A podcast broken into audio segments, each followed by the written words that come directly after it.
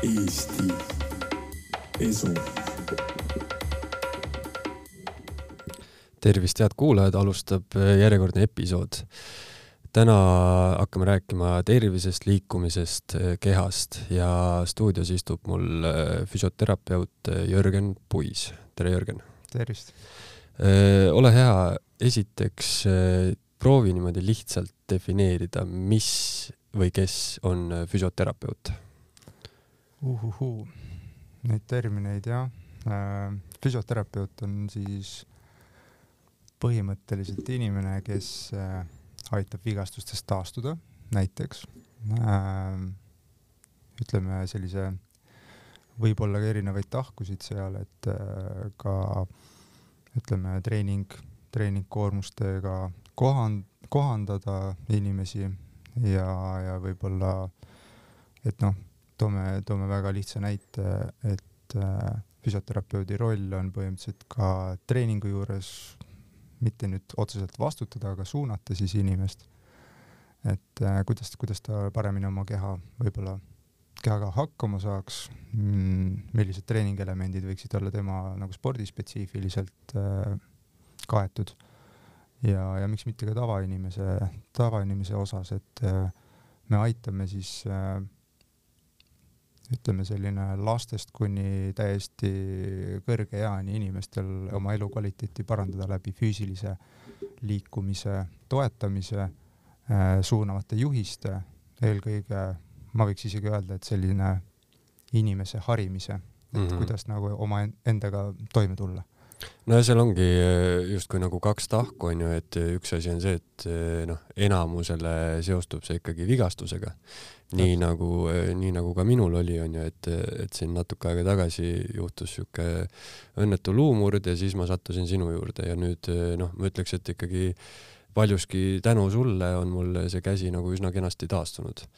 Eh, ja, ja siis teine tahk on see, et, et sul ei noh, otseselt ei peagi olema onju mingisugust kuskil Äh, luumurdu või, või asju, onju, et, et lihtsalt äh, inimene ennast kehaliselt nagu kuidagi targem, targem oleks siis.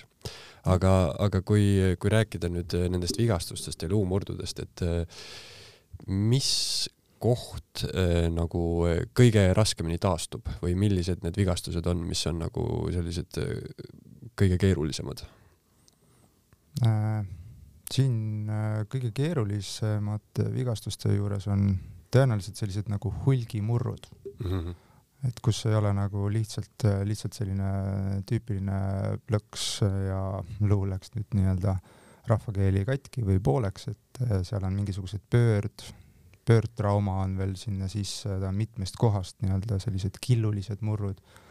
et kui seal on neid äh, frak-, fraktsioone või selliseid nii-öelda kilde on liiga, liiga palju, et siis kuidas need nii-öelda omavahel kokku klappima saada, et see läheb juba sellise ortopeedi pärusmaale suures osas, et äh, mul on üks väga hea näide ka, siin paar aastat tagasi tegin koostööd äh,, ma just nimelt kutsungi patsiendiga nii-öelda äh, töö tegemist koostööks, sest, sest me mõlemad peame pingutama äh, ühise, ühise siis eesmärgi nimel.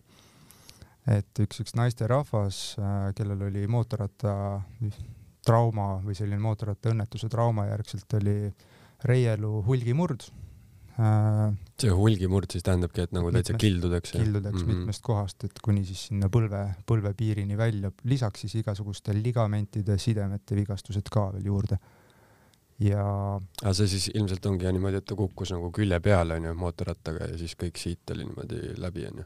tõenäoliselt jah, et jalg jäi veel kuskile vahele ja mm, -hmm. ja, ja siis oligi nagu, et mitmesuunaline selline nii-öelda trauma ja, ja seal oli siis selline juhtum, kus, kus ta pandi erinevad nii-öelda kruvid ja fiksaatorid sinna sisse. Äh,, üritati neid luid, luid seal siis võimalikult lähestikku üksteisele äh, kokku panna. Ja, ja siis ta alustas selle taastusraviga üsna, üsna pea. Ja, aga aasta jooksul oli näha, et nagu selline põlvenurk, noh, valud, valud jäid probleemne oli see kõndimine, äh, põlve liikuvus oli tugevalt häiritud, seal üle üheksakümne kraadi ta põhimõtteliselt ei läinud.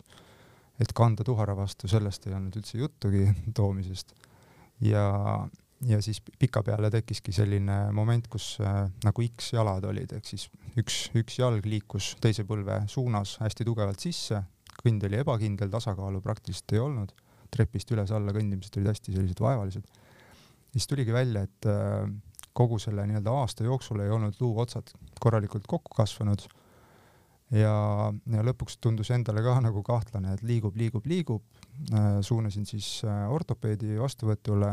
Ütlesin, et midagi ei ole õige. et me oleme kaua tööd teinud ja kuskile poole liikumist ei ole märgata, siis tehti uued pildid ja öeldigi, et on tekkinud ebaliiges.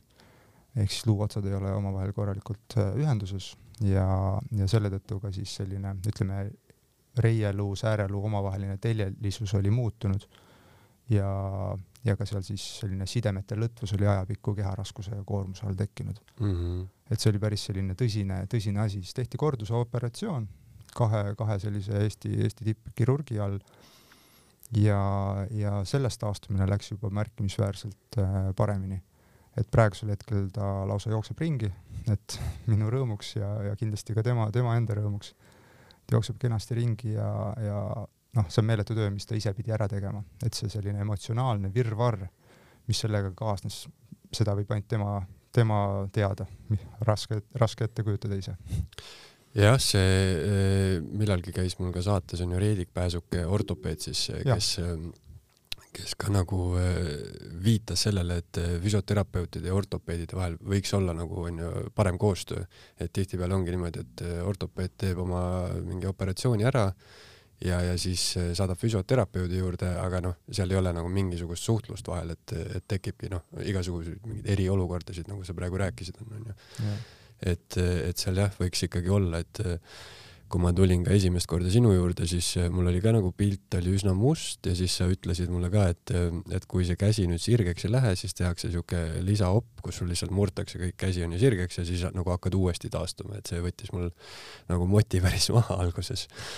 aga, aga kui palju peab nagu füsioterapeut üldse ortopeedi tööst teadma või, või kui palju nagu näiteks sina ortopeedidega koostööd teed? Mm,? jaa äh,, mina teen üsna palju, ehk siis äh, kuna ma töötan äh, Sportomeedica erakliinikus, siis seal on Eesti ühed parimad ortopeedkirurgid ka töös, kes on seal spetsialiseerunud kas õlale põlveliigesele, Kaspar Rõivassepp näiteks Timo Rahnel Kristo Kask, et et me ikkagi saame päris tihti, tihti kokku, meil on eelmisel aastal oli küll rohkem äh, oli selliseid nii-öelda sümpoosiume või, või kokkusaamisi, kus me siis arutasime mingisuguste patsientide tõsiseid, tõsiseid probleeme, et mida füsiod saaksid omalt poolt ära teha, mida ortopeedid näevad, kuidas see paranemise kulg võiks äh, välja näha. ja ma usun, et see nagu koostöö nende äh, füsiode ja ortopeedide vahel on täiesti nii-öelda kriitilise tähtsusega, eriti nii-öelda sportlaste ravis, kus mm, põhimõtteliselt nende töö on nende leib laual ja, ja, ja seda, seda nagu tähtsustaks küll, et see omavaheline suhtlus kasvõi lõunasöögilauas, et ei tahaks mm -hmm. nagu rääkida tööst, aga tihtilugu me istume maha, sööme seal ja, ja ajame juttu niisama sellistest keerulistemast, keerulisematest äh, patsientidest või olukordadest ja siis äh, leiame koos lahendusi, et seal tekivad uued ideed, kogu aeg selline ideede põrgatamine ja, ja tihtilugu on seal teised füsiod ka veel juures, ehk siis ongi mitmete inimestega koos, koosmõju mitu pead on ikka mitu pead. et äärmiselt oluline, et mäletan mm, -hmm. mäletan siinjuures ühte sellist head seika, et kui ma üksteist aastat tagasi läksin oma esimesele töökohale, see oli regionaalhaiglas Tallinnas, siis äh, ma ei saanud väga hästi aru, mis see füsioterapeut tegema peab, et meile öeldi väga konkreetselt, et et äh, see on see nii-öelda ravikehakultuuri tegelane, mine tee kuskil massaaži, mine liiguta nende mis need on, need sellised kärud mm, -hmm. millega inimesed kõnnivad ringi palatites, et mine kõnnita neid ja pööra küljelt küljele umbes. et see oli hästi selline üleolev suhtumine, et äh, aastaga see nagu muutus, ilmselt oli põhjus ka see, et ise oled natukene arglik, tagasihoidlik, ei julge veel nii-öelda sellist minapilti esile tõsta, et ma tean ka üht-teist, aga olgem ausad, kui sa tuled ikkagi koolist koolist tuled, siis sa ei tea ikka väga mitte midagi, et mm, -hmm. et mingid baasteadmised võib-olla on, on olemas no siin on äh, läbi käinud erinevad kehaosad, äh, puus, põlv, küünarnukk, äh, õlg on ju, et kõik on need sellised liikuvad osad. kas mõni vigastus või ütleme, mõni murd siis on ka selline, et sul ei ole vaja nagu füsioterapeuti, et ütleme, kui hästi-hästi mingisugune noh, sihuke lihtsalt kokku kasvav, kasvav murd on ju, et kas seal üldse on vaja nagu siukest eraldi taastumis, taastumisprotsessi?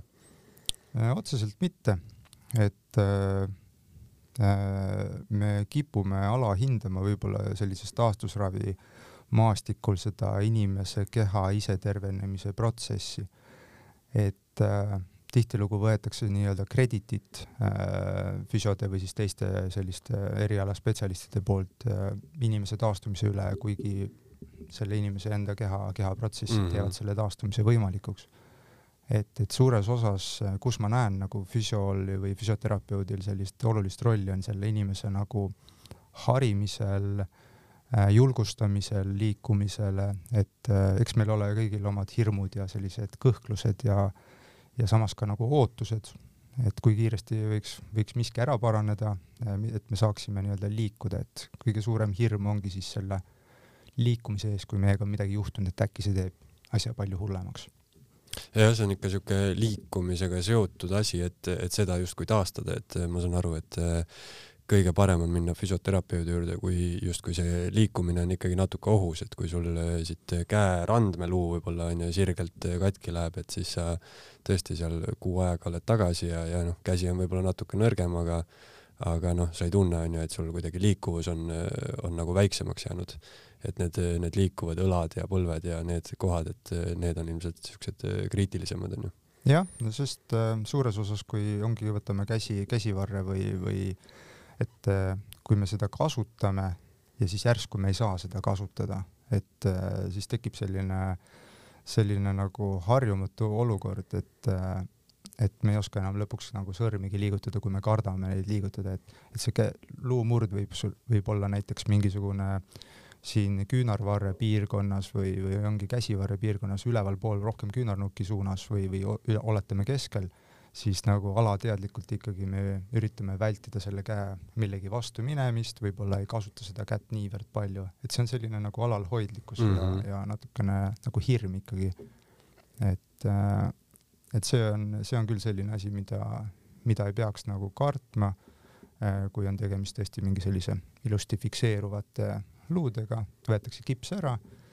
Et kui me juba seal sõrmi hakkame varakult liigutama juba kipsi sees, siis see parandab seda verevarustust, ainevahetust, lümfiringet, ehk siis isetaastumise protsessid saavad nagu parema, parema võimaluse.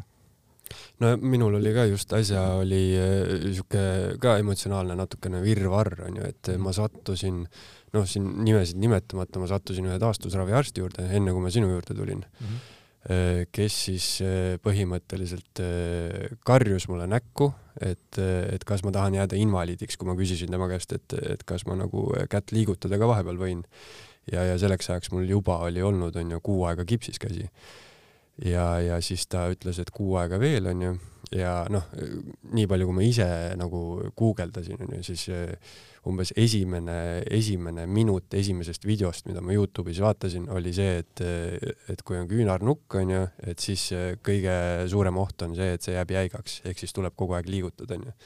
ja noh, et isegi umbes, kui sul on nagu luu katki, et siis sa noh, teed selle ortoosi lahti, onju, ja korra liigutad teda ja paned tagasi, et fikseerid ära, onju, aga et vähemalt sul natukene nagu liiguks ja siis, kui sulle tõesti nagu spetsialist karjub näkku, onju, et, et sa ei tohi mitte midagi teha, ja, ja siis ma tõesti ei teinudki mitte midagi ja kui ma lõpuks sinu juurde jõudsin, siis sa nagu korraks ka vaatasid, et mis juttu sul aeti, et, et seda oleks võinud ju palju varem onju liigutada. et äh, siis ma tundsin nagu, et ma olen kuidagi noh, tavainimene ise nagu onju mingisugust meditsiinilist haridust ega mitte midagi nagu teadmisi ei ole onju ja siis ma olen kuidagi nagu äh, teiste inimeste täielikus meelevallas, et, et mulle üks spetsialist räägib ühte juttu ja siis ma lähen teise juurde ja saan hoopis, et, et noh, täiesti teistsugune nagu lähenemine onju. et kui palju sa soovitad nagu inimestel ma ei tea, ise teha mingisugust niisugust uurimistööd või, või see võib nagu vastupidi karuteene teha? see on hea küsimus ja et äh, sõnadel on hästi tugev jõud, et, et just erispetsialistide juures, et seda äh, neid eriarvamusi, et seda kohtab iga päev. et kui varasemalt ma ma küsisin inimese käest, et kas ta on varem füsio juures käinud või, või mõne, mõne teise spetsialisti juures käinud siis nagu noh, mind huvitas kohe, et kes millist tööd teeb. tänapäeval ei ole see enam, või noh, praegusel hetkel ei ole see enam nii oluline, sest äh, see info, mida ütleb spetsialist patsiendile, ei pruugi äh, jõuda täpselt sellisena välja äh, minuni mm. -hmm ehk siis ma ei küsi enam, et mis sa eelmise füsio juures oled teinud täpselt, et räägi mulle, et noh, mingid harjutused üleüldiselt ikka onju, aga tavaliselt on see, see on selline nagu see telefonimäng, et, et üks ütleb ühe sõna ja lõpuks tuleb hoopis teine sõna välja, et, et see, kuidas inimene võtab seda infot enda, endale ka äh, vastu, et see tema mõttemaailmas kujuneb see hoopis teistsuguseks infoks. aga, aga nüüd see äh, mis puudutab äh, äh, nagu enda, enda uurimistööd ja, ja et uurimus, kui palju peaks just. ise nagu et, äh, et siis see on selline suht õhukesel jääl kõndimine, et doktor Google on võimas, võimas relv äh, teatud juhtudel, aga, aga kui nagu liialt, liialt süübides me saame teha selle asja enda jaoks palju hullemaks, sest iga inimene on erinev see täpselt seesama jutt, mis ma nüüd hetk tagasi rääkisin, et me võime tõlgendada seda infot, mis, äh, mis internetiavarustes äh, suures mahus on, et seda, seal on ka palju vahtu ja palju sellist ebatäpset ja võib-olla kogemuspõhist või, või, või sellist nagu arvamuspõhist informatsiooni, mis ei pruugi kokku minna selle patsiendi otseste probleemidega. et seda tuleks võtta hästi kriitiliselt, samuti kogu seda juttu kaasa arvatud seda juttu siin täna mm, -hmm. tuleks võtta äärmiselt kriitiliselt ja, ja leida siis nagu oma see, oma tee või, või oma, oma info, infoallikas, et mida me usume, et täpselt nii nagu ühte uuringut võivad erinevad äh, terapeudid, spetsialistid tõlgendada väga-väga erinevalt äh,, siis me oleme kõik inglise keeles öeldud, et oleme kallutatud biased ehk siis äh, see, millega me oleme harjunud tegelema, see, milline on meie äh, selline nii-öelda hariduslik taust, siis sellele poole me natuke nagu tahame või ei kaldume mm. -hmm. et hoiame avatud sellist äh, mõtlemist ja avatud vaateid ja laiendame pidevalt sil-, silmaringi, et kui me oleme pidevas õppimises, siis, äh, siis ei muutu mugavaks, ei hakka nii palju ka vigu tegema nojah, Google'is eh, tihtipeale võib juhtuda see, et, et sul on nohu, sa hakkad guugeldama onju ja siis lõpuks avastad, et sul on, ma ei tea, mingi ajuvähk onju. jah, kas, kasvõi. et jah, aga seal ongi jah, ma enda kogemusest siis eh, ma nagu äh, võib-olla peaks jah mingisuguse kesktee leidma, et noh, mina olin nagu sel hetkel ma olin kuidagi nagu hästi vastuvõtlik, kuna mul oli käsi katki onju, ma olin juba kuu aega kipsiga elanud, väga nagu noh, täiesti teine olukord. ja siis, siis kui tuleb onju noh, minu mõttes veel nagu taastusraviarst, kes on nagu spetsialiseerunud sellele onju, mis olukord minul on ja siis, kui tema nagu noh, ütleb mulle, et sa absoluutselt mitte midagi ei tohi teha, siis ma nagu võtsin seda ikkagi tõe pähe ja nagu noh, ei teinud siis onju. ja siis, kui ma jõudsin sinu juurde, siis ma sain aru, et ma oleks pidanud tegema, et äh, noh, ma muidugi endasse nii palju usun, et ma usun, et ma öö, äh, oleks nagu igat moodi ära taastunud, aga ma tean, et mul oleks kindlasti olnud palju vähem valulik see protsess, kui ma oleks hakanud varem nagu liigutama kätt onju. tõenäoliselt jah et seal, seal tuligi noh, sinu juures vastuvõttudel käies siis äh, üks põhiline nagu sihuke positiivne asi, noh, siuksed hästi spetsiifilised harjutused, mida sa näitasid, mille, mida on ise nagu raske on ju õppida või noh, ise selle peale tulla on ju. et need on ka muidugi head, aga põhiline ongi selline sihuke, ma ütleks nagu emotsionaalne julgustus, et, et sa võid endale nagu valu teha, sest alguses noh, nagu sa rääkisid, vaata inimene alateadlikult, ma ei taha on ju teha seda et, et kui ma esimene kord tulin sinu juurde, siis sa küsisid seda valuskaalat onju, et et palju sul on ja siis, kui sa mu kätt painutasid, siis kümne palli skaalal ma tundsin korraks, et on ikka mingi kaksteist, kolmteist, et siuke tunne nagu noh, murraks nagu luud onju. aga, aga siis ma noh, vähemalt ma teadsin, et ma võin seda teha onju ja siis ma nagu noh, olin nagu nõus igapäevaselt endale seda valu tekitama, et, et siis noh, tänu sellele ma ta enam-vähem sirgeks saingi onju aga eh, kui, kui oluline, et noh, kui me nüüd võrdleme seda nii-öelda niisugust eh, tehnilist teadmist eh, luudest, inimese anatoomiast, kõigest sellest, harjutustest, mis täpselt lihasegruppidele mõjuvad ja siis teiselt poolt selline nagu lihtsalt niisugune psühholoogiline tugi, et, et kui oluline üks või teine on?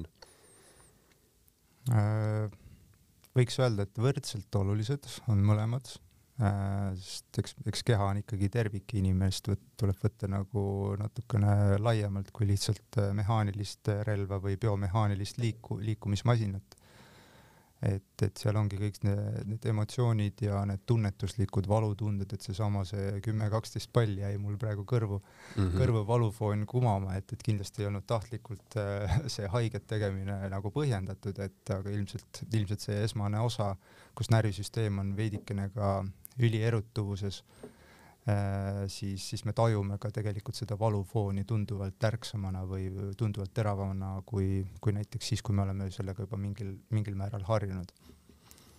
et aga see vaimne ja, ja füüsiline pool, et äh, vahest mulle tundubki, et füsio roll äh, tihtilugu ei ole mitte ainult nagu äh, harjutuste ettenäitamine, mis, mis ta loomulikult nagu ainult ei ole, vaid, vaid see nagu psühholoogiline pool tuleb hästi-hästi tugevalt välja, et, et ma ei ole küll konkreetselt mingeid kursusi läbinud, aga äh, tehes inimestega aastaid-aastaid tööd, siis äh, siis kujunevad välja mingisugused sellised nagu äh, pidepunktid, sa tajud ära juba inimeste nii-öelda sellised alateadlikud hirmud, mida nad ei vä näita välja küll verbaalselt, aga visuaalselt on seda kenasti näha, et sellised endasse tõmbumised võib-olla visiidi alguses, poole peal selline avanemine, äh, võib-olla ka naeratus tuleb hiljem, hiljem välja. ehk siis usalduse kasvatamine äh, käib nii-öelda tasa ja targu. Et äh, tihtilugu ma esimesele teraapiasessioonile nagu alati ei panegi sellist, et easy fix või teeme see ühe, ühe korraga korda ja ma ei, ma ei, ma ei ürita nagu luua asjatuid ootusi mm -hmm. või lootusi, et minu arust inimese, inimesega töös äh, on hästi oluline see, et äh, ta saaks küll aru, kuhu poole me liigume, et me äh, põhimõtteliselt aitaks tal eesmärke saavutada, mitte ei paneks äh, terapeudina oma eesmärke, et kuidagi ennast upitada, vaid, vaid arvestaks hästi palju selle inimeste enda, enda soovide ja, ja, ja, ja tahtmistega. Ja sellise äh, taastumis sellise nagu noh, nagu sa ütlesid, koostöös siis patsiendiga eesmärkide püstitamine on ilmselt sihuke jah, aastate jooksul sihuke peen kunst on ju, et sa tahad ju noh, sa ei taha anda valelootusi, et ütleme, kui seal ongi et noh, et sul taastub kõik sajaprotsendiliselt onju, et äh, mõnel patsiendil noh, sa juba kogemusest tead, et võib-olla ei taastu onju, aga, aga samas nagu tahaks ikkagi nagu võimalikult kõrge eesmärgi püstitada, et nagu patsient nagu ise ka siis püüdleks onju selle poole. et noh, enda kogemusest, kui sa esimesel kohtu, kohtumisel nagu vaatasid siukse suht skeptilise näoga, aga siis juba järgmine kord äh, mõõtsid onju mu kätt, siis sa ütlesid, et, et ah, selle saab sirgeks küll ja noh, siuke noh tunniajase kohtumise jooksul võib-olla see üks lause, vaata selle ma nagu võtsin sealt kaasa, et et see kuidagi nagu tegi niisuguse tunde kindlamaks, et ahah, läheb ikka nagu sinna õiges suunas, et ei pea hakkama lahti murdma või midagi, onju. just, et see positiivne innustus äh, teinekord on hästi oluline, aga aga selleks ma pean ise ka olema üsna veendunud, et mm -hmm. ma mhm. näen, et see, seal ei ole sellist nagu ütleme, kontraktuurplokki tugevat tekkinud, et, et need äh, lõputunnetus on pehmem, et äh, ma ei jää kuskile Äh, justkui nagu liigest liigutades täielikult pidama, et see lõputunnetus on selline jäik, ei liigu edasi.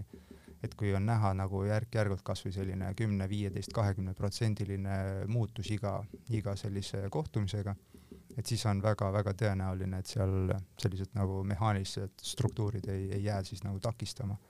et siis saad nagu patsienti ka, ka nagu mingil määral äh, motiveerida läbi siis selle positiivse fooni, sest noh, lihtne on öelda, et äh, et tõesti, kui sa, kui sa mind ei kuula, onju, et siis sa jääd invaliidiks, tõenäoliselt inimene, inimene tõesti võtabki spetsialisti sõnu, et äh, ikkagi autoriteet ja oma, oma ala professionaal. Et, et sealjuures selle täitsa podcast'i algusesse tagasi tulles, et see kõike võtta hästi kriitiliselt mm, -hmm. et sõnadel on hästi tugev jõud. et me peame saama kogu aeg tagasisidet sellele infole, mida me kellelgi saame ja siis seda, seda kuidagi nagu vastandama või, või mõtlema enda peas läbi, et kui me näeme muutusi, siis on väga lihtne seda äh, motivatsiooni hoida. kui muutusi ei ole, seisame paigal väga pikka aega, siis tavaliselt tekivadki nagu mingid kas siis tagasilöögid ei viitsita enam harjutusi teha, ei viitsita pühenduda enam sellele. Ja, ja siis, siis seda on nagu väga hästi näha ka äh, ka sellistel, sellistel puhkudel, kus äh, inimene on teinud mingisuguseid harjutusi näiteks ütleme poolteist, poolteist kuud. Ükskõik mis, mis, mis trauma see siis nii-öelda on, võtame sellise laia näite, ja siis umbes selle pooleteise kuu jooksul on tal tegelikult kõik on väga hästi. Et ta on jõudnud sellele tasemele, mis tema eesmärgid algselt oli, ta saab pead pesta piltlikult öeldes üles riiulile tassi, tassi ulatada või, või sealt mingisugust karpi alla võtta. Need ongi tema nii-öelda eesmärgid, soovid, ta ei tahagi võib-olla rohkemat Äh, ja, ja tema jaoks on siis nagu ravi on lõppenud piltlikult mm -hmm. öeldes. et kaugel, kaugeltki sellest, et seda võiks nagu äh, jätkata, et siis minu kui füsioterapeudi roll on teda veel motiveerida või nagu kuidas, kuidas ma ütlen seda äh,, seletada lahti see nii-öelda taust, miks ta peaks seda tegema, mis põhjustel ja miks ta peaks jätkama sellega ja, ja leidma temaga koostöös siis selle nagu sügavama motivatsiooni, sügavama eesmärgi või kaugema mm -hmm. eesmärgi, et see ei ole ainult see karbi alla tõstmine, vaid et, et a la laste, laste tõstmine üles näiteks, et kellel on lapsed, siis seal, ma ei tea, tähe kuuse otsa panemisel on ju, et karpi võid tõsta, aga seal sellist viieteist äh, kilost last võib-olla nii väga ei tõsta enam mm. -hmm. et see kaugema eesmärgiga sidumine, ma arvan, on, on võib-olla hästi oluline. ja, jah, et see ju on äh, inimesiti ka hästi erinev onju, seal kindlasti sõltub ka vanusest, et äh, kui on kuuekümne aastane, siis ta võib-olla ei taha onju teha neid asju, mida onju kahekümne viie aastane tahab teha onju. Et ja see, ma ei tea, kas seda nagu äh, niisugust ütleme positiivset perspektiivi kuidagi õpetatakse ka, et ma mäletan ühte head näidet, kui ma olin haiglas õlavigastusega ja siis mul vastas voodis äh, oli üks mees, tuli välja, et ta oli endal, töötas nagu kuskil nii-öelda veskis põhimõtteliselt, aga no mingi modernne variant, et ta oli viljaga nagu vilja mingisuguse keerutusega, vili oli tal kõik näpud maha lõiganud ja siis ta tuli onju opilt tagasi, ärkas üles ja siis tuli õde onju, äh, võttis tal sidemed ära ja noh, see käsi nägi tal välja nagu mingisugune noh, mingisugune õudukast, mingi Terminaatori õudne elukas, nagu ma isegi vaatasin, et päris jõhker onju. ja õde ütles talle, et oo, väga hea näeb välja. ja siis ma just mõtlesin seda, et ilmselt see on nagu noh, sihuke ikkagi, et sa ei saa noh, patsient ise ka näeb, et päris, päris hull käsi on mul onju, aga et kui keegi sulle nagu ütleb, et, et tegelikult noh, tegelikult ei olegi nii hull, et siis et see on, ma mõtlengi, et kas seda kuidagi nagu õpetatakse või see on ikkagi ütleme, arsti, füsioterapeudi sihuke inimese enda karakter nagu? see jah, kipub minu kogemuse põhjal olema rohkem selline sõltuv tõesti inimese enda, enda karakteristikast mm -hmm. ja, ja sellisest, et kas ta on inimese inimene või ta on äh, numbrites rohkem kinni ja sellistes noh, konkreetsetes protokollides et äh, me peame lähtuma küll nendest raviprotokollidest, mis on äh, siis uuringute põhjal välja antud, aga eks, eks me kõik teeme mingisuguseid äh, mugandusi seal.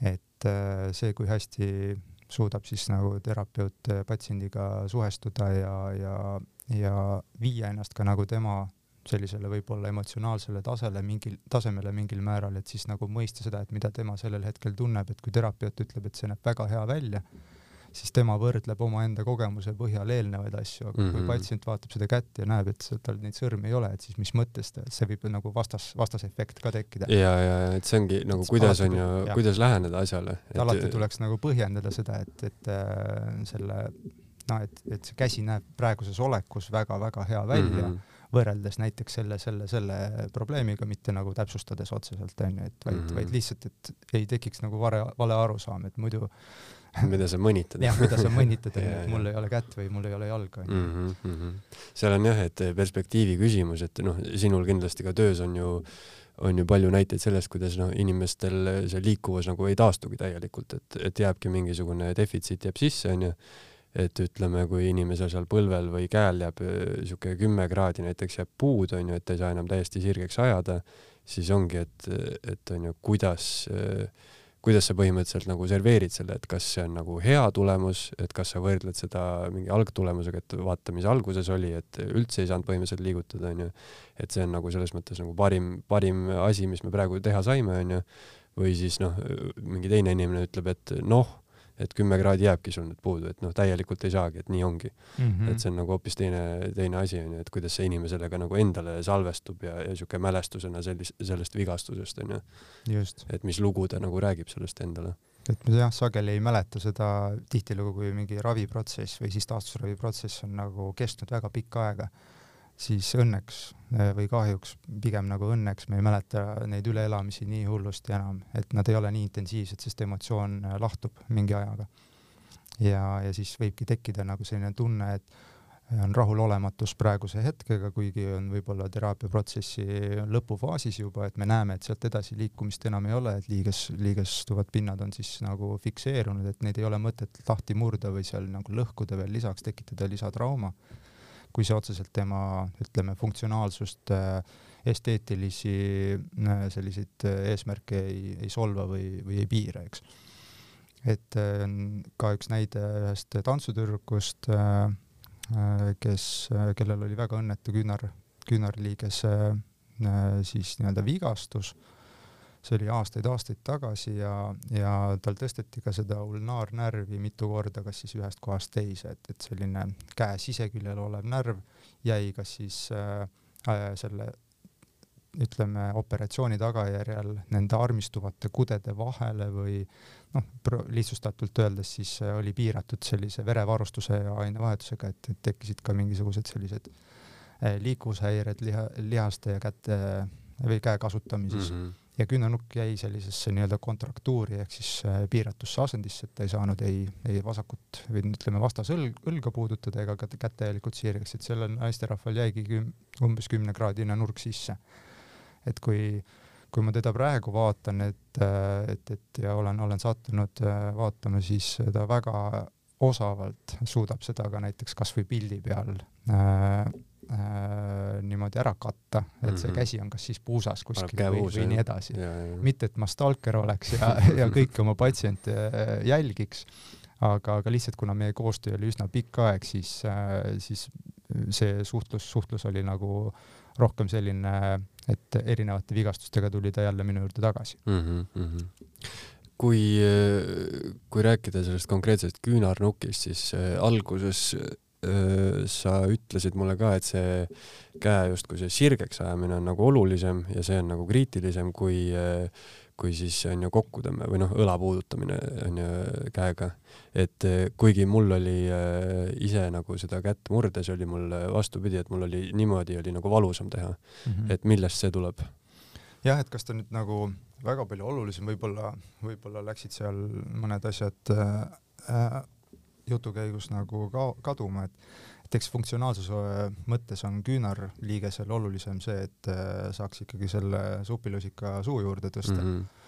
aga liigese nagu, liigese seisukohast on sirutust pärast palju raskem kätte saada, kui, kui alguses sellele põhirõhku panna Mm -hmm. ehk siis painutust on võimalik äh, äh, mugavamalt ja nagu sujuvamalt äh, kätte saada, kui sirutus on olemas.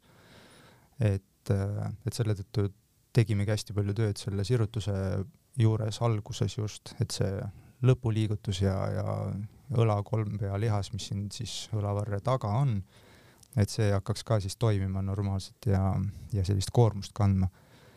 Et, et see selline painutuse osa ei saa nagu alatähtsustada tõesti, et, et võib-olla kas mi- mina ütlesin tol hetkel, ma täpselt ei mäleta, võib-olla valesti midagi või et, et kui, kui nii, siis äh, ei, mitte, mitte valesti lihtsalt jah, oligi, et, et see nagu sirutus on äh, selles mõttes nagu kriitilisem. just, et seda on raskem taastada. seda saab pärast kergemini onju. põlvede osas on samamoodi, et mingil määral on küünarliiges ja, ja põlveliiges nagu osalt sarnased äh, liigesed ehk siis plokkliigesed. Neil on selline ülesanne painutada ja sirutuda ehk siis kõverduda ja, ja sirgeks liikuda ja siis natukene ka mingil määral no ütleme sääreluus sellist rotatsiooni ehk siis ümber telje Mhm. pööramist, et käe, käsivarrel on, on seda rohkem. et äh, sääreluul on kõrval ka veel pindluu, siis nagu oma struktuuridelt on nad natukene mingil määral nagu sarnased. et äh, siis põlve puhul on täpselt seesama asi, et äh, küll me käte peal ei kõnni, et see sirutus oleks niivõrd olulik, oluline, kui just ei ole tegemist akrobaadi või mõne mm -hmm. Mhm. muu sellise artistiga. Aga, aga jalgade puhul, kus keharaskus läheb peale ja seda sirutust kätte ei saa, et siis ilmselgelt jääb sinna lonkamine sisse ja, ja võib-olla siis nendele kõhrelistele meniski, ütleme kõhrelistele struktuuridele see koormus muutub nagu väga ühekülgseks. et kui, kui liigespinnad ühtlaselt koormust ei saa, et siis seal need tagajärjed võivad olla ka mõneti nii-öelda erinevad, et, et võib-olla see ainevahetus ei jõua kõikidesse nendesse liigespinna või ütleme, kõhrepinna piirkondadesse nii hästi ja alu- äh,, samuti siis selline funktsionaalses mõttes, et äh,, et me jääme siis pigem nagu mit-, ei taha öelda lombakaks, aga mm, -hmm. aga kompensatoorselt liikuma, et me kasutame näiteks puusatõstet rohkem ja ja sealt võivad sellised jadaühendusena äh, hakata mingid muud asjad formeeruma, et, et keha on suhteliselt nutikas. Et kui inimene annab talle käskluse või tal on mingi soov või tahe, siis keha teeb selle nui neljaks kuidagi ära mm. -hmm. et kui ta ei ole nagu otseselt äh, hetkel väga tugeva sellise piiratuse või trauma all kannatav jah, siit tekivadki sisse need äh, ebavõrdsused on ju erinevate poolte vahel, erinevad käed, jalad on ju, õlad, sihuke noh, ma arvan, et sellist inimest, kes on nagu perfektselt äh, nagu kehas äh, sihuke noh, täiesti võrdne onju, on väga raske ja sümmeetriline. on, on väga raske leida, et see juba algusest peale väiksena, kui, kui käisin koolis, siis eh, korra aastas vist saadeti õe juurde ja siis oli nagu näha, et inimestel on õlad niimoodi, et kes kandis onju kotti, ühel õlal oli kohe näha. Et eh, kui ja noh, sa ütlesid ka, et keha ongi selles mõttes eh, tark organism, et lihtsalt kompenseerid ära ja inimene noh, jääbki terve elu nagu valesti liikuma, onju, aga, aga sealt on ilmselt noh, ma kujutan ette, et jalgadega on jah kõige, kõige hullem asi, et kui sa natuke seal või noh, kui on, ütleme, sul üks jalg kuidagi piiratud, et siis sealt tekivad ju edasi kõik seljaprobleemid ja noh, see on kõik nagu niisugune ter-, ühtne tervik on ju. -hmm. et eh, kui on sellised ebavõrdsused, noh näiteks nagu ka minul praegu, et üks käsi on ikkagi veits nõrgem on ju, et eh, mida sa siis soovitad teha, et kas teha nagu ikkagi mõlema kehaosaga nagu võrdselt või siis peaks andma sellele nõrgemale ikkagi rohkem vatti mm. -hmm. et eh, see ka nüüd oleneb hästi palju äh,, et kui nagu tuua rohkem selle sümmeetrilisuse juurde tulla tagasi, et siis äh,, siis äh, tihtilugu kipubki kõik olema, et kõik peab joone järgi olema. ehk siis äh, kuna üldsus, üldsus on äh, nagu mõtestatud või või, või vaatab seda, et, et kui ei ole ideaalne, kui kulmujoon ei ole teisega võrdne, onju, et siis, siis järelikult on selle inimesega midagi viga, et et äh, selle õlajoonega täpselt samamoodi, et seda nimetatakse norm-, normaalseks variatiivsuseks, ehk siis me oleme kõik mingile, mingis suunas kas siis kõverad või kaldu või, või ühe keha poole lihasgrupid on rohkem äh, rohkem koormatud meie igapäevategevustest kui, kui näiteks teised, teised lihasgrupid. no inimesed on ju ühekäelised, et sa põhimõtteliselt ja. teed, on ju, väga palju asju teed ikkagi nagu siukse ühe mugavama käega, kas siis parema-vasaku. dominantse poolega, et, et mis on selline domineerivam ja mugavam et äh, sellist äh, tõesti ideaalset äh, rühti või, või ideaalset sellist joonduvust me näeme võib-olla anatoomiaõpikus tihtilugu ainult mm. -hmm. et seda ma üritan ka inimestele nagu öelda, kes tulevad rühiprobleemide või sellistega, et mulle perearst ütles, et mu laaselg on hästi nõgus ja, ja sellepärast ongi mul kõik probleemid nii-öelda tingitud kuni, ma ei tea, peakaelani välja, peavaludeni välja. et siis nagu otsest sellist seost ei ole, ei ole tõenduspõhiselt ära, ära tõestatud, et me võime ainult arvata ja, ja fantaseerida selle, selles osas. et, et tuleks nagu äh, pigem panna rõhku rohkem sellele tõesti äh, oma tegevusele, funktsioonile, kas me saame nende asjadega hakkama äh,, kas me saame hästi nendega hakkama, meile meeldivalt hakkama ja, ja võib-olla neid selliseid väga suuri ebakõlasid, mis on tekkinudki mingi trauma või vigastuse tagajärjel, et neid siis tuleks nagu spetsiifiliselt käsitleda Äh, kas äh, mõlema poole võrdse koormamisega äh, või siis unilateraalselt ehk siis ühepoolse koormamisega, mida ka siis väga palju taastusravis kasutatakse, et aidata natukene järgi mm. -hmm. et äh, väga kihvt uuring on, on tehtud äh, ka erinevate kehapoolte vahel, eks võib-olla kindlasti näinud ka võib-olla internetis neid äh,, neid selliseid väikseid videosid, kus on äh, kus inimesel on kaks kätt pandud laua peale ja seal vahel on peegel mm. -hmm. ja siis eh, ta ühe käe võtab ära ja see on asendatud siis see peegli osas on asendatud sellise kunstkäega mm. teine käsi on nii-öelda selle peegli taga ja siis alguses harjatakse seda ja, ja siis sa pead vaatama seda nii-öelda peeglis, peegelpilti ja harjatakse seda kätt ja siis äh, mingil momendil nagu inimene ütleb, et aa, ma hakkan tundma seda mm. -hmm. siis küsitakse tagasisidet, et siis äh, see visuaalne tagasiside ja äh, neuroloogiline tagasiside on nagu pidev ja siis mingil momendil tehakse nii-öelda nõelaga või siis lüüakse sinna haamriga peale ja siis inimene tõmbab nii-öelda äh, selliselt reaktiivselt selle käe ära ja, ja ütleb, et see oli nii meeletult valus mm. -hmm. et see on nagu uskumatu, kui, kui nagu kohanemisvõimeline on inimene, et, et see adapteerimine äh, ja kohanemine siis nendele koormustele äh, on, on märkimisväärne, kui, kui anda neid koormusi. kui neid koormusi ei anna, siis samamoodi keha ökonoomsus võtab üle, ütleb, et aga milleks meil seda koormust vaja on, me saame ilma hakkama. miks ma pean mm -hmm. nii palju ressurssi, energiat raiskama selle jaoks, et neid lihaseid töös hoida. et selline jah, pikk, pikk jutt äh, lühidalt kokkuvõttes, et äh, kui koormata, siis koormata enam, enamasti kogu keha äh,, selliseid suuremaid lihasgruppe, sest väiksemad lihasgrupid teevad ka seal tööd, et väga spetsiifiliseks seal sõrmepainutajaid äh, ekstra nii-öelda koormama hakata äh, et ma nüüd teen meeletut trenni ilma eesmärgita, ei ole nagu mõtet, et kui sa oled loomulikult mägironija ja sul on, see on su võib-olla hobi või, või vajadus, siis, siis loomulikult siis on nagu jutt teine. et see kõik sõltub hästi paljudest no, teguritest tavainimesel on ju, on teine asi, et ma siin ise taastudes mõtlesin ka, et et miks sportlased nii hästi kogu aeg on vigastatud, aga samas ka taastuvad üsna, üsna hästi, onju, et, et see ongi nii-öelda täiskohaga töö on taastumine, kui on vigastus, onju. et tavainimesel teeb mingisugust teist tööd, aga tal on vaja, noh, ikkagi keha kasutada, onju. just aga eh, näiteks uus asi, mis ma sain sinu juures käies teada, on see, et, et biitseps algab hoopiski siit küünar, küünarosast allpool, et eh, kui on ju kätt soojaks masseerisid, siis eh, oli biitsepsi see masseerimine algas siit hoopis altpoolt, mida ei arvakski mm. -hmm. kas see on tõsi, et et šimpansidel läheb biitseps üle selle küünarnuki? Seda ma kuskilt kuulsin jään täitsa vastuse võlgu, see on nii hea selline konkreetne nii-öelda ütleme kontrollimata fakt minu poolt onju, et ma ei oska, ei oska seda kommenteerida, aga tõenäoliselt küll, et selles suhtes, kui biitseps noh, tegemist on kaks pealihasega, et seal võib olla neid päid veel mitu mm. -hmm. et äh, ei ole ainult, et äh, on kaks pead, et seal neid erinevaid, erinevaid äh, lihas, lihaskimpe võib mm -hmm. olla nii-öelda ka rohkem kui kaks, aga lihtsalt biitsepsina on ta siis ladina keeles äh, niimoodi au antud.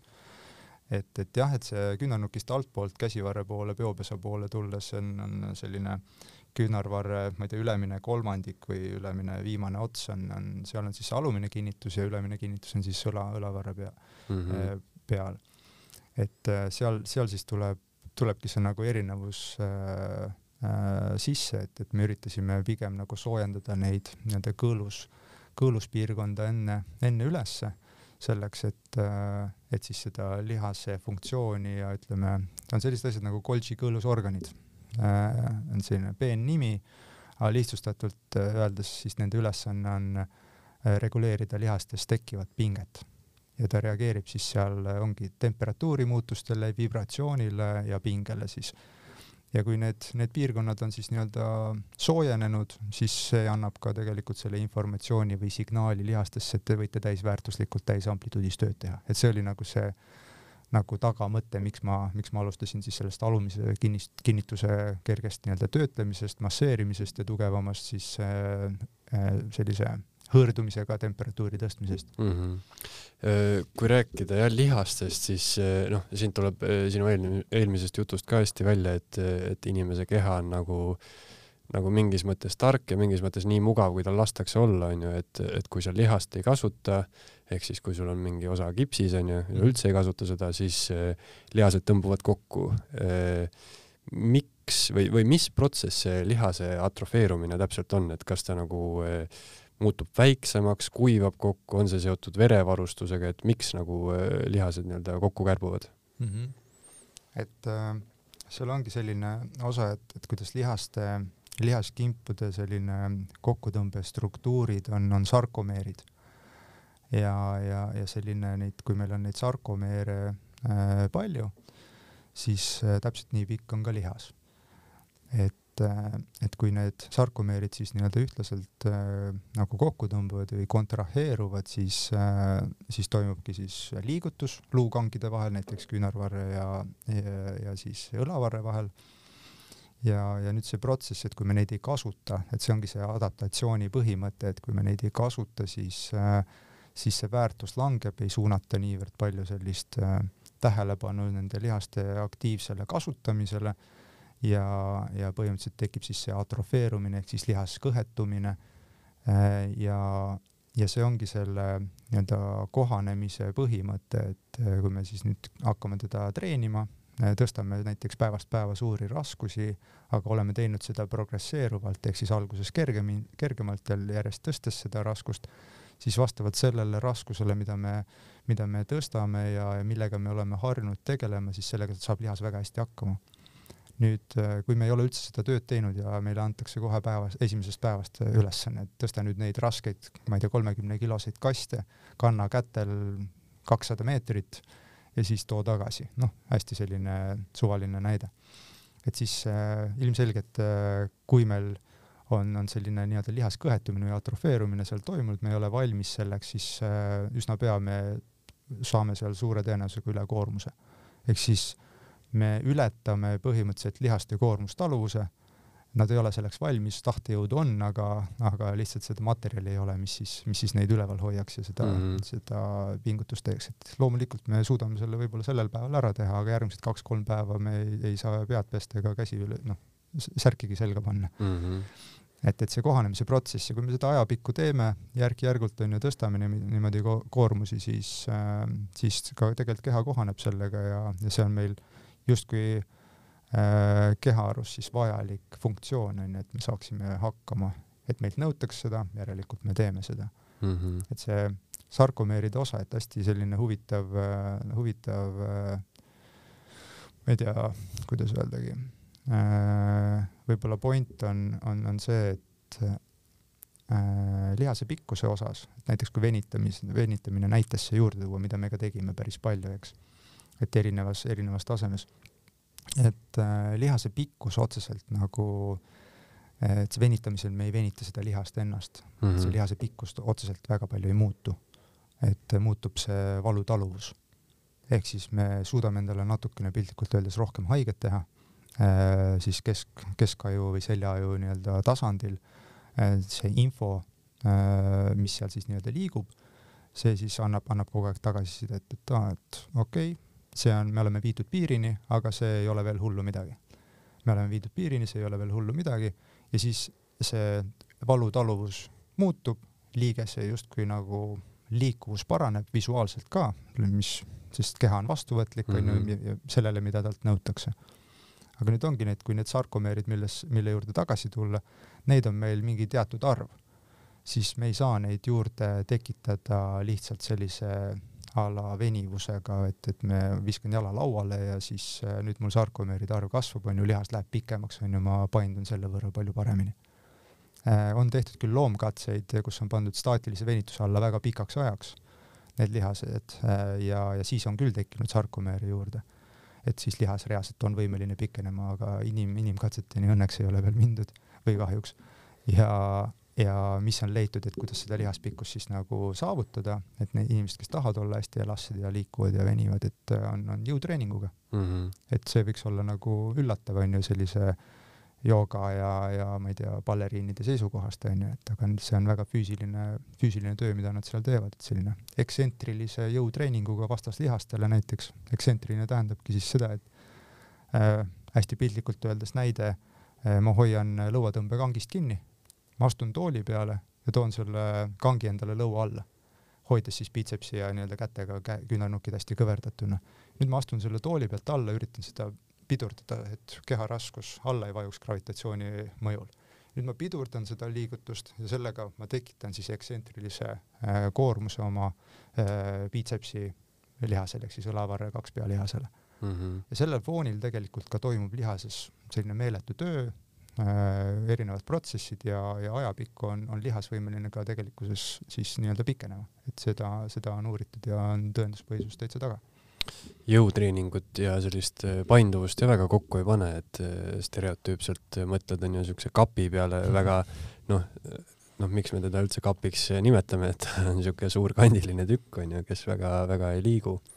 aga mis see lihase nii-öelda kokkukuivamise ja taastumisprotsessi ajaline määr võib olla? et kas see on umbes niimoodi, et kui mul on äh, kuu aega lihast täiesti kasutamata, see, see kuu aja jooksul on üsna kokku tõmbab, onju. et eh, kas see on siis nagu üks-kahele, et siis järelikult ma kaks kuud pean tegema nüüd tööd, et saada ta sinna tagasi, kus ta oli mul äh,? jah, et seal on selle näite põhjal, et ma tean äh,, mälus hoopis tuleb praegu meelde, et äh, voodihaigetel, kellel oli mm,, kes ei ole saanud liikuda mingi kas siis nädal või kaks see on jah, päris suur vahe iseenesest, kas nädal või kaks, et see reielihaste äh, ütleme selline jõud vähenes ka üle kahekümne protsendi. Et see on tegelikult päris, päris korralik, et kui kuu aega võtta, et siis me ei saa seda ka päris, ma ei tea, neljaga korrutada, onju, et mm -hmm. aga, aga tõenäoliselt äh, väga lähedale, lähedale see, see läheb küll. et, et see taastumise osa, et õnneks äh, neuroloogiline neuroplasticity või siis selline nii-öelda äh, ajus ajus olevate äh, siis kuidas, kuidas, kuidas ma seda ütleksin, ajus olevate erinevate äh, infotulvade siis mõjul äh, ja, ja siis selle läbikogete mõjul, et me õpime kogu aeg ja avame uusi siis selliseid äh, äh, pathways id või, või selliseid suundi. Ja kui me oleme selle raja varem läbi käinud nagu jalgrattasõit, siis, siis see ei lähe nagu meelest, et lihasehit-, ülesehitamisel on samamoodi, et kui me oleme kunagi kõvasti tööd teinud, siis selle taastamine on ka tunduvalt lihtsam, et miks, miks oleks nagu hea olla noores, noores eas võimalikult aktiivne, sportlikult aktiivne ja, ja füüsiliselt aktiivne, et see aitab parandada ka meie kognitiivset võimekust ja aitab ka mälu paranemisele kaasa, sest kõik need protsessid töötavad seal. Ja, ja samuti siis äh, need erinevad äh, Äh, erinevad äh, äh, sellised erinevad asjad, asjad tekivad, tekivad või erinevad, kuidas ma ütlengi, jooksis nüüd natuke kokku. nagu seosed tekivad, onju, et kui sa oled seda ühte seda, seda, seda sõna ma otsisin yeah. seosed, täpselt, et erinevad seosed, et seal võib-olla ref-, reflektoorses mõttes äh, ka, et reaktsioon, eks, et selline vastu, vastus sellele infole, mida siis keha vastu võtab, samuti siis seal võib-olla plahvatuslik jõud, vastupidavusjõud, äh, silma-käe koordinatsioon, üleüldine nii-öelda keha koordineeritus, et kuidas meie käed jalgadega suhestuvad ja ja kui hästi me suudame siis nagu seda ülekannet äh, äh, tekitada mm. -hmm. et see on nagu tegelikult noores eas äh, väga hästi arendatav ka vane, vanemas eas on hästi arendatav, aga võib-olla mitte nii hästi. ja, ja, ja kui me oleme võimalikult palju erinevaid spordialasid teinud võib-olla seal noores eas, et mitte ühte ja kindlat asja kogu aeg raiunud, et või vanemad on nagu öelnud, mis tihti kipub ka olema, et, et isa oli korvpallur, siis pojast peab ka korvpallur saama et äh, tihtilugu võiks anda selle nii-öelda võimaluse mm, -hmm. see on nagu minu, mhm. minu soovitus füsio, füsio seisukohalt ka, et ma näen neid, kes on teinud näiteks nelja-viit erinevat spordiala seal kuueteistkümnendaks, seitsmeteistkümnendaks eluaastaks Äh, teinud sellepärast, et see neile meeldib, mitte et äh, see on kasulik. et seal ongi nagu see, et mina ütlen, et see on nagu kasulik erinevaid asju teha, aga kui neile meeldib ka, no siis on veel eriti, eriti siis on see boonus nagu siis jah. on eriti mm -hmm. jackpot. selles mõttes jah, see, see nii-öelda lihaste äh, kokkukuivamine või ärakadumine toimub nagu üllatavalt kiiresti, et, et oh, kui noh, ma olen siin kuulnud seda, et kosmoses äh, juhtub see hästi kiiresti, et kui on, on ju gravitatsiooni mõju kaob ära, et siis äh, inimestel ka nagu äärmiselt kiiresti kaob igasugune kehaline funktsioon nagu ära, et nad peavad hoidma, onju mhm. aga, aga samamoodi ise on ju kipsis olles on ka seda väga tunda nagu, et noh, tegelikult enne seda ma nagu äh, noh, otseselt mingit siukest süstemaatilist nagu trenni ei teinud, onju, aga, aga samas ikkagi su keha nagu püsib, onju, sellises noh, oma, oma olekus ja siis, kui sa nagu korraks onju selle käe nagu ära lõikad ja ei kasuta teda absoluutselt, siis ta on noh, täiesti noh, kahe kuuga mul ikka kuivas nagu täiesti kokku, onju mm. -hmm. et nüüd ma teda taastan. aga, aga igatahes Jörgen, hakkame otsi kokku tõmbama. Äh, anna inimestele üks soovitus, kuidas äh, enda kehas ennast hästi tunda mm,? ma arvan, et ongi see, see väga lihtne, lihtne soovitus, et tee seda, mis sulle meeldib. äh, tee pause sisse. et liigne, liigne agarus on ogarus, nagu vanarahvas ütleb. et tee kindlasti pause sisse, aga tee seda, mis sulle meeldib äh,. maga hästi, ehk siis sõna otseses mõttes unehügieen võiks olla nagu tasemel et see võiks olla isegi prioriteet, sest sellest sõltub siis meie taastumine mm -hmm. ja, ja meie selline järgmise päeva äh, heaolu. et äh,, et see on seotud nii-öelda kogu närvisüsteemi, meie kehalise tunnetuse ja, ja vaimse heaoluga ka kindlasti. et äh, siis liigu palju, ehk siis see tähendabki seda, et äh, et ole iga päev aktiivne, ära lase endale võib-olla selliseid kahe-kolmepäevaseid voodipäevi täielikult sisse, et isegi seal haigena olles on, on vaja kerge liikumine sisse viia läbi, läbi jalutuste mm -hmm. näiteks. et äh, ma arvan, et see on, see on kõige lihtsam, et toitu hästi, see on jälle hästi üldistav, onju, aga, aga põhimõtteliselt need esimesed punktid, et maga mm, -hmm. maga hästi, liigu, liigu korrapäraselt ja, ja sageli ja, ja keha teeb ise, ise ülejäänud nii on, aga igatahes Jörgen, aitäh, et tulid ja, ja rääkisid veits eh, füsioteraapiat, eh, füsio, mis see, see teadus ongi, füsioteraapia on ju Füs? füsioteraapiast jah. jaa, aga uues saates juba uued osad mm. -hmm. Eesti Esu